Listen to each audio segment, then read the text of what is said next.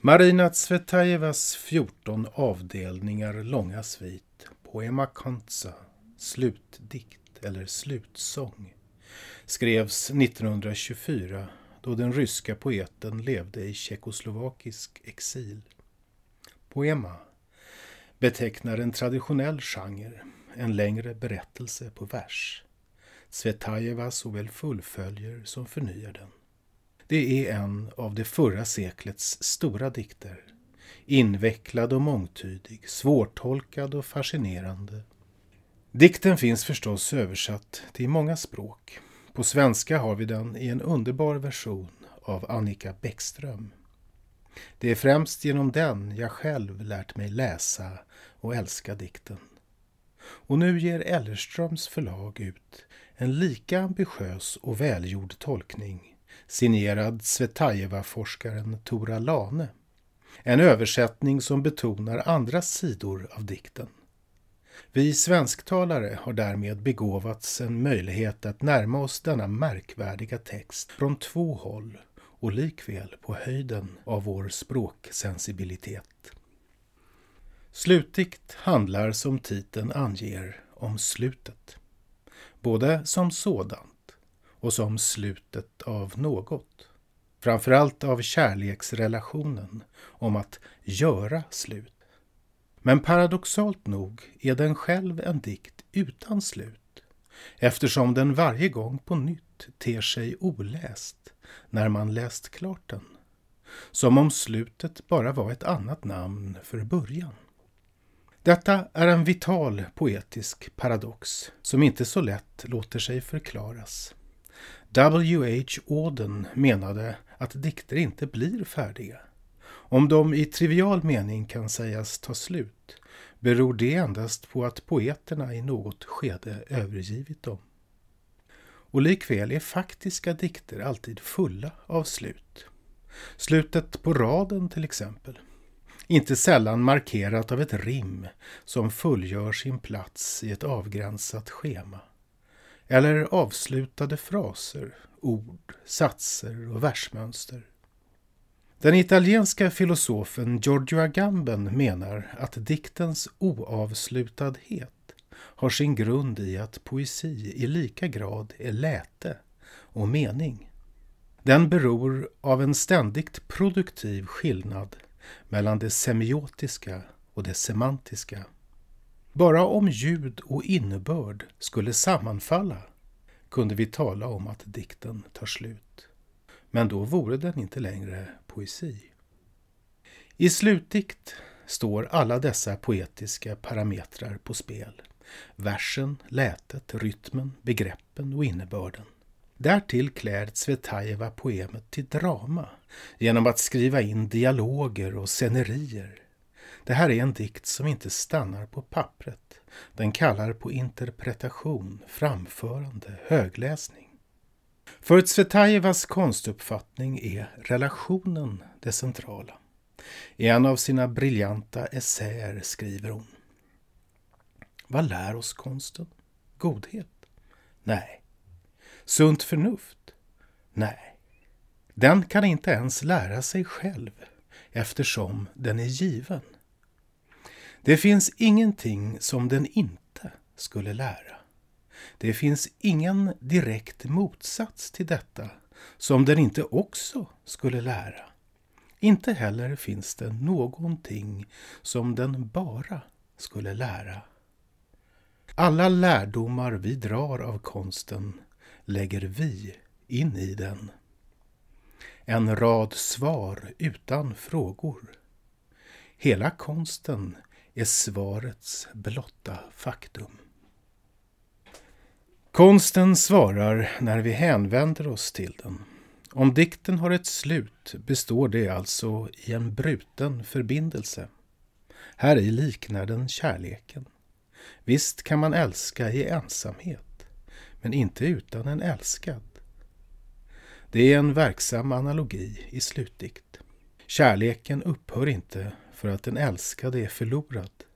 Inte sällan sträcker sig dess band långt in i döden. För att kärleken ska ta slut måste själva relationen gå under. ingen som svarar och ingen att fråga. Den biografiska bakgrunden till slutdikt är en del av verket. Poeten hade flyttat efter sin man Sergej Efron till Prag 1921. Makarna hade träffats redan som tonåringar, han ett par år yngre än hon. Och de hade nu varit gifta i knappt tio år, varav de senaste fem under och efter revolutionen varit katastrofala. Paret krisade ofta och våldsamt, men höll, mest tror jag på grund av förfärliga livsomständigheter, ihop hela livet och fick tre barn. Tsvetajeva hade förälskelser vid sidan av äktenskapet.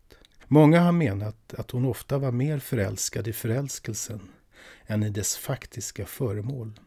Och den man, Konstantin Boleslavovich Rodzevich, som hon hade en affär med hösten 1923 tycks ha varit en helt alldaglig man. Allmänt medioker, för att tala med en av poetens Pragvänner. Och ändå gav relationen upphov till två mäktiga systersviter. Bergdikt och denna slutdikt. Båda kan betraktas som kärleksdikter, men om bergdikt uppehåller sig vid kärlekens vertikal, dess höjder och dalar, så prövar slutdikt kärleken just som förbindelse. Bron är kanske dess viktigaste trop. Det betyder inte att dikten saknar höjdpunkter och avgrunder. Tsvetajeva ogillade allt plant. Forskaren Diana Lewis Bergin har övertygande argumenterat för att berget och havet representerar två olika slags kärlekar i Tsvetajevas verk. Den vänskapliga respektive erotiska.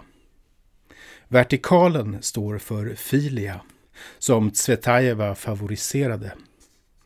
Horisontalen för eros. Polariteten är verksam inte bara mellan utan även inom de två systersviterna. Äventyret med Rodzevich var erotiskt, men frågar vi dikterna om kärlekens grund svarar de som alla Tsvetajevas kärleksdikter, samhörigheten.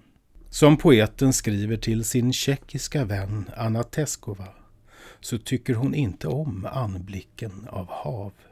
Jag gillar vänskap, berg. Men ingen kärlek varar evigt. Sådan är kärlekens väsen. Redan i den första av de fjorton dikterna i sviten introduceras denna insikt. Den beskriver ett plågat möte mellan två älskande som anar att förälskelsen brunnit ut. Kyssen var ljudlös läppen, stel och kall. Så kysser man majestätens, så den dödes hand. Om avbrotten är en viktig bild för slutet i dikten så är upphörandet alltså en annan. Att göra slut är en sak, att kärleken tar slut är något annat. Början av sviten handlar om det senare. Insikten växer av att det är över. Skeendet kulminerar. Kärleken betyder band. Allt är skilt hos oss munnar, liv. Jag bad dig ge akt i stunden av närhet, av under, i stunden så full av åtrå på bergets höjd. Allt kan skingras, kärleken betyder en gåva. Allt i elden, allt för intet. Munnens glipa är blek, inte ett grin, inventering och framförallt en bädd. Är det inte en avgrund du menar? Den överrika interpunktionen är talande för Tsvetajevas skrivsätt. Den gör texten till partitur. En upprörd, anfodd och sönderbruten musik som får liv av alla in och halvrim. Kraften i Tora Lanes översättning ligger inte minst i att hon så bemödat sig om att återge förutsättningarna för denna musik, själva notskriften. I den långa sjätte dikten sker så brottet av skedet. Det återklingar förstås av andra litterära kärleksbrott. Vi ska alltså ta avsked, sade du. Diktjaget kastas mellan känslor av förnedring, hån och uppror.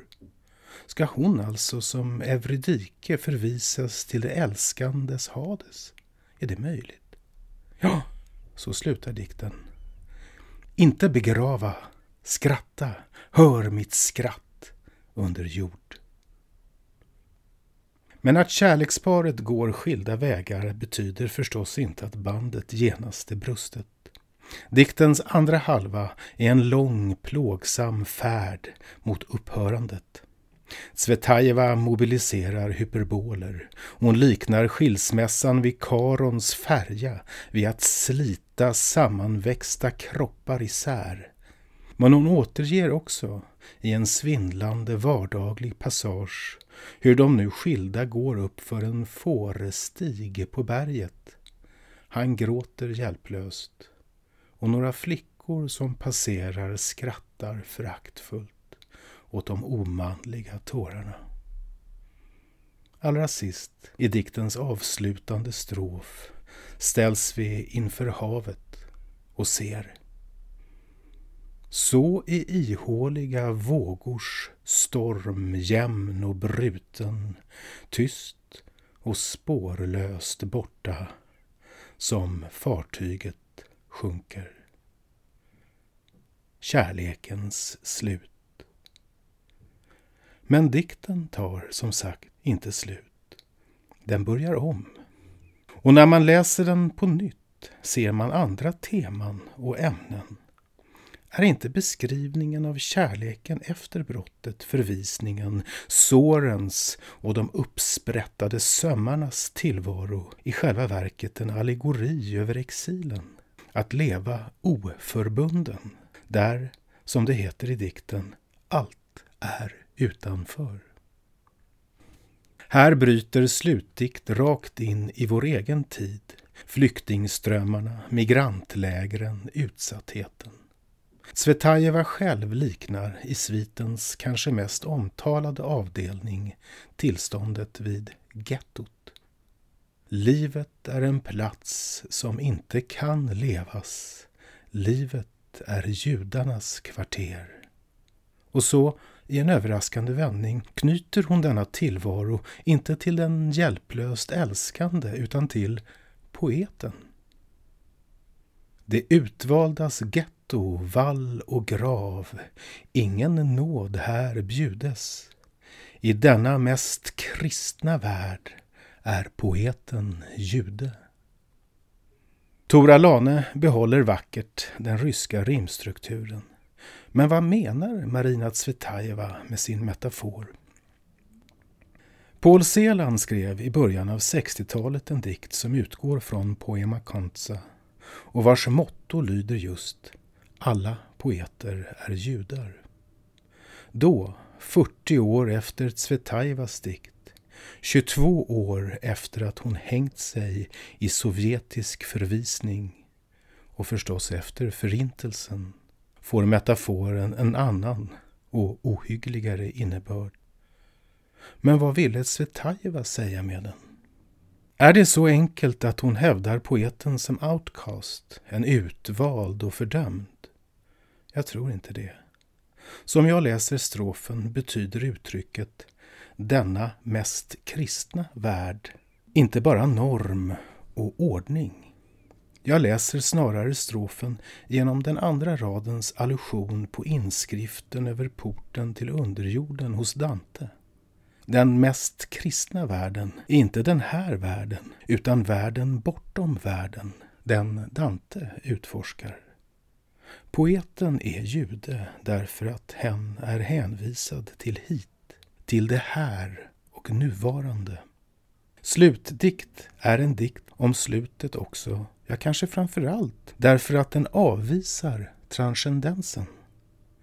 I så mening kan man se Marina Tsvetajevas märkvärdiga dikt som ett ställningstagande för det materiella, för kroppen, det faktiska, för dödligheten och poesin. Den lovar inte ett liv efter detta, en fortsättning, ett nästa, eller kommande. Dess löfte gäller språket, det som om och om igen uppdagar detsamma, men var gång på ett nytt och annorlunda vis.